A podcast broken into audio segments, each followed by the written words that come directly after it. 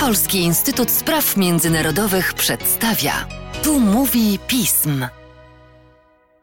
Witamy Państwa w kolejnym jubileuszowym podcaście Polskiego Instytutu Spraw Międzynarodowych. Nazywam się Tomek Zornaczuk i porozmawiam z Weroniką Jóźwiak i Łukaszem Ogrodnikiem, ekspertką i ekspertem zajmującymi się współpracą środkowoeuropejską i Europą Środkową w naszym instytucie. Podcast jest jubileuszowy, ponieważ dotyczy Grupy Wyszehradzkiej, a Grupa Wyszehradzka w tym roku obchodzi 30-lecie swojego istnienia. I nim oddam głos Weronice i Łukaszowi, to dla porządku tylko przypomnę, że Grupa Wyszehradzka, nazywana też niekiedy Czwórką Wyszehradzką, to taka sformalizowana, ale niemal niezinstytucjonalizowana formuła współpracy Czech, Polski, Słowacji i Węgier. Sformalizowana, bo dotyczy różnych sektorów i poziomów, od takiego roboczego i eksperckiego po ministerialny, premierów, prezydentów i spotkania często kończą się jakąś wspólną deklaracją polityczną a zinstytucjonalizowana jedynie w niewielkim stopniu, bo do dzisiaj jedyną instytucją tej grupy pozostaje Międzynarodowy Fundusz Wyszehradzki wspierający inicjatywy z różnych dziedzin. I również tylko dla porządku przypomnę, że Grupa Wyszehradzka powstała 15 lutego 1991 roku. Założyli ją, czy powołali prezydenci Czechosłowacji i Polski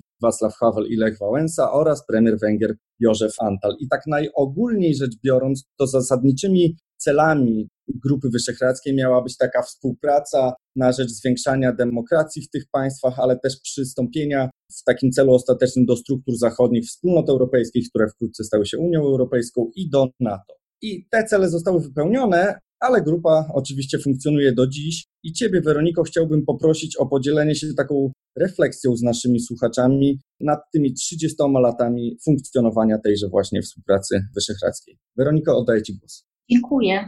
Wydaje mi się przede wszystkim, że bilans tych 30 lat jest na pewno pozytywny, chociaż Grupa Wyszehradzka osiągała największe sukcesy wtedy, kiedy grupie przyświecał jakiś większy cel jednoczący ją, jednoczący wszystkich jej członków. I myślę, że te 30 lat można podzielić pod tym względem na trzy etapy. Pierwszy etap to jest ten, o którym Ty też mówiłeś, Tomku, dążenie do akcesji NATO i Unii Europejskiej i wzajemne wspieranie się tych najpierw trzech, później czterech państw po tej drodze.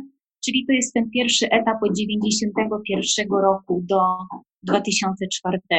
Drugi etap trwał, tak mi się wydaje, od wstąpienia do Unii Europejskiej do 2014 roku. W tym czasie Grupa Wyszehradzka stała się przede wszystkim unijnym forum konsultacyjnym, którym zresztą jest do dzisiaj, ale przywódcom państw wyszehradzkich udało się ponownie zdefiniować współpracę i takim ogólnym, najważniejszym celem zostało wówczas wspieranie transformacji demokratycznej państw w najbliższym otoczeniu Unii Europejskiej.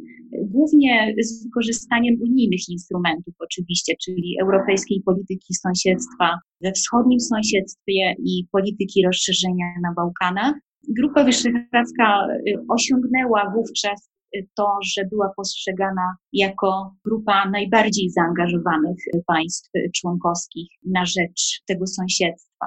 I to wspólne podejście trwało do 2014 roku, kiedy podejście do wschodu państw Grupy Wyszehradzkiej zaczęło się rozjeżdżać po aneksji Krymu, zabrakło takiego silnego politycznego wsparcia e, dla Ukrainy e, ze strony V4 i zresztą brak tego wsparcia dla wschodu widzimy do dzisiaj w sprawie Białorusi, ale też Ukrainy.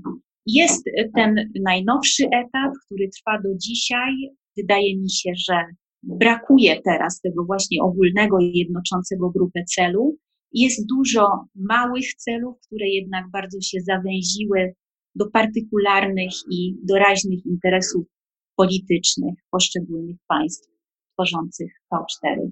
Dziękuję bardzo, Weroniko. Taki szybki przegląd tych ostatnich 30 lat. Dojechaliśmy do czasów współczesnych. Łukaszu, w takim razie Ciebie chciałbym poprosić, czy mógłbyś przybliżyć słuchaczom, w jakim miejscu współpraca wyszehradzka jest właśnie dziś?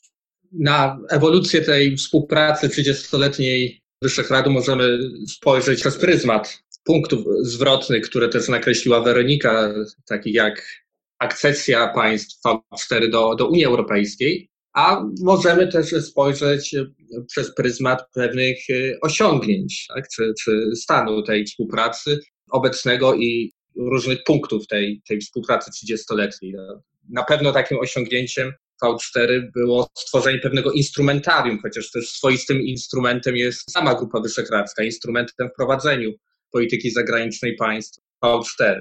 Do takich instrumentów należą spotkania V4 różnego szczebla, tak jak niedawne spotkanie prezydentów V4 w Juracie, cykliczna, coroczna prezydencja, teraz dzierżona przez Polskę. To Ponadto format V4, czyli dokoptywanie do tej współpracy partnerów bliskich i tak najczęściej w takiej formule z państwami jak Bułgaria, Rumunia, Niemcy spotyka się V4, ale i, i z państwami dalekimi, takimi jak Japonia, Korea Południowa, czy nawet z innymi platformami współpracy, takimi jak Benelux. W tym instrumentarium jest też wspomniane przez Ciebie, Tomku, ciało tak jak Międzynarodowy Fundusz Wyszehradzki, który w ubiegłym roku świętował dwudziestolecie swojego istnienia, jeżeli już przy rocznicach jesteśmy. To również Wyszehradzka Grupa Bojowa, czyli tutaj wkład państw V4 w bezpieczeństwo Unii Europejskiej. Pierwsza grupa sformułowana w 2016 roku. I do tych osiągnięć możemy też wliczyć mówienie wspólnym głosem w sprawach ważnych. Nie zawsze V4 jest zgodna. W V4 panuje taka niepisana zasada, że chwalimy się wspólnymi mianownikami, tam gdzie jest nam po drodze. Ogólnie rzecz biorąc, do, do takich mianowników należała polityka migracyjna. Nadal należy. W ubiegłym roku też premierzy V4 spotkali się z przewodniczącym Komisji Europejskiej Ursulą von der Leyen dyskutując politykę migracyjną, no ale, ale nie tylko polityka migracyjna, chociaż ona jest jakby najbardziej medialnie rozdmuchana. To również todra polityka spójności w Unii Europejskiej, to wsparcie wspomniane przez Weronikę Bałkanów Zachodnich, państw Partnerstwa Wschodniego, chociaż ta współpraca jakby też nie jest pozbawiona elementów rywalizacji, o inwestycje zagraniczne, na przykład w przemyśle motoryzacyjnym, o unijne siedziby agencji po Brexicie. Taka rywalizacja miała miejsce w 2019 roku, czy nie tylko rywalizacja, ale różne rozdźwięki mają miejsce. Także podsumowując, na pewno współpraca wyszehradzka jest żywotna i jest co śledzić. A więc rywalizacja i współpraca, bo Grupę Wyszehradzką tworzą cztery suwerenne kraje, każdy ze swoimi interesami narodowymi. Weroniko, powiedz proszę nam i słuchaczom, realizacji których z tych interesów narodowych najbardziej Grupa Wyszehradzka przydaje się w przypadku Węgier? Myślę, że w przypadku Węgier Grupa Wyszehradzka jest przede wszystkim instrumentem polityki europejskiej i też polityki wewnętrznej. W polityce europejskiej Węgier V4 jest takim narzędziem wybicia się państwa, ale też może bardziej Wiktora Orbana osobiście na e, takiego lidera e, konserwatywnego nurtu politycznego w Unii Europejskiej i na nieformalnego przywódcę Europy Środkowej. I do tego Grupa Wyszehradzka jest dla niego zapleczem, zapleczem politycznym, dla jego ambicji kształtowania polityki europejskiej i przez to też wpływania na politykę międzynarodową. I tutaj kluczowe znaczenie mają dla Węgier stosunki z Polską, której potencjał jest wykorzystywany przez Węgry do wzmacniania e, swojej pozycji politycznej e, w Unii Europejskiej, bo przecież to dzięki Polsce takie małe Węgry, małe w sensie du o dużym, mniejszym potencjale, są w stanie tworzyć opozycję polityczną wewnątrz Unii Europejskiej w różnych kwestiach. Więc na pewno stosunki z Polską są dla Węgier podstawą całej współpracy wyszehradzkiej, a w polityce wewnętrznej e, taki wizerunek Grupy Wyszehradzkiej jest wykorzystywany do tego, by ukazywać Węgry jako siłę napędową regionu, czyli by, by też przekonać wyborców o tym, że Węgry nie prowadzą samotnej walki z instytucjami unijnymi, tylko działają jako część politycznie i gospodarczo silnego ugrupowania państw. No to ciekawe, co mówisz, Weroniko. Łukaszu, a jaką rolę odgrywa Grupa Wyszehradzka w działaniach Czech i Słowacji? Zaryzykuję tezę, że zarówno dla Czech, jak i dla Słowacji Grupa Wyszehradzka jest najważniejszą platformą współpracy regionalnej. To znajduje odzwierciedlenie na przykład w częstotliwości spotkań polityków czeskich i słowackich ze swoimi partnerami z Polski i, i Węgier w politycznych deklaracjach czy w rządowych programach. Jeżeli możemy zatrzymać się przy tym ostatnim punkcie, to na przykład jeżeli w dłoń weźmiemy program rządu Słowacji z ubiegłego roku, rządu Igora Matowicza, tam znajdziemy oprócz podkreślenia znaczenia Grupy Wyszehradzkiej również punkt o zaangażowaniu Słowacji w pracę grupy według podstawowych dwóch kryteriów. Jest to obrona słowackich interesów i po drugie wytwarzanie przez Grupę Wyszehradzką, czy przyczynianie się do wspólnotowych rozwiązań w Unii Europejskiej. Ten drugi punkt jest szczególnie często powtarzany przez ministra spraw zagranicznych Słowacji, Iwana Korczoka. Z kolei, jeżeli weźmiemy czeski program rządowy, to tam V4 jest definiowana jako platforma wyrażania wspólnych racji i wspomniana jest Grupa Wyszehradzka w kontekście prowadzenia polityki migracyjnej przez Czechy. W przypadku obu państw Grupa Wyszehradzka nie jest jednak postrzegana bezkrytycznie. Iwan Korczok, wspomniany minister spraw zagranicznych Słowacji przed ostatnim szczytem prezydentów V4, wspomniał na przykład o nie najlepszej reputacji Grupy Wyszehradzkiej w Unii Europejskiej. Ponadto V4 nie ma monopolu na tą współpracę regionalną. Oprócz V4 Czechy i Słowacja używają również innych platform współpracy regionalnej. Jest to Trójkąt Sławkowski, który współtworzą z Austrią. Jest to również nowa inicjatywa Centralna Piątka, którą oprócz Czech, Słowacji i Austrii e, tworzy również Słowenia i Węgry. Dziękuję Łukaszu. Więc tutaj wybrzmiewa nam taki obraz zróżnicowanego postrzegania, zróżnicowanej reputacji Grupy Wyszehradzkiej. Weronika wcześniej nam mówiła o tym, że w tych e, latach minionych, w, tej pierwszej może dekadzie XXI wieku, ta reputacja była e, no, bardzo dostrzegana, pozytywnie dostrzegana przez naszych partnerów. Ostatnio jest, bywa ona przedmiotem kontrowersji nawet samej Grupy Wyszehradzkiej, ale Ciebie, Weroniko, chciałbym zapytać o, o wyzwania właśnie. Jakie według Ciebie są największe wyzwania, jakie stoją przed dalszą współpracą wyszehradzką?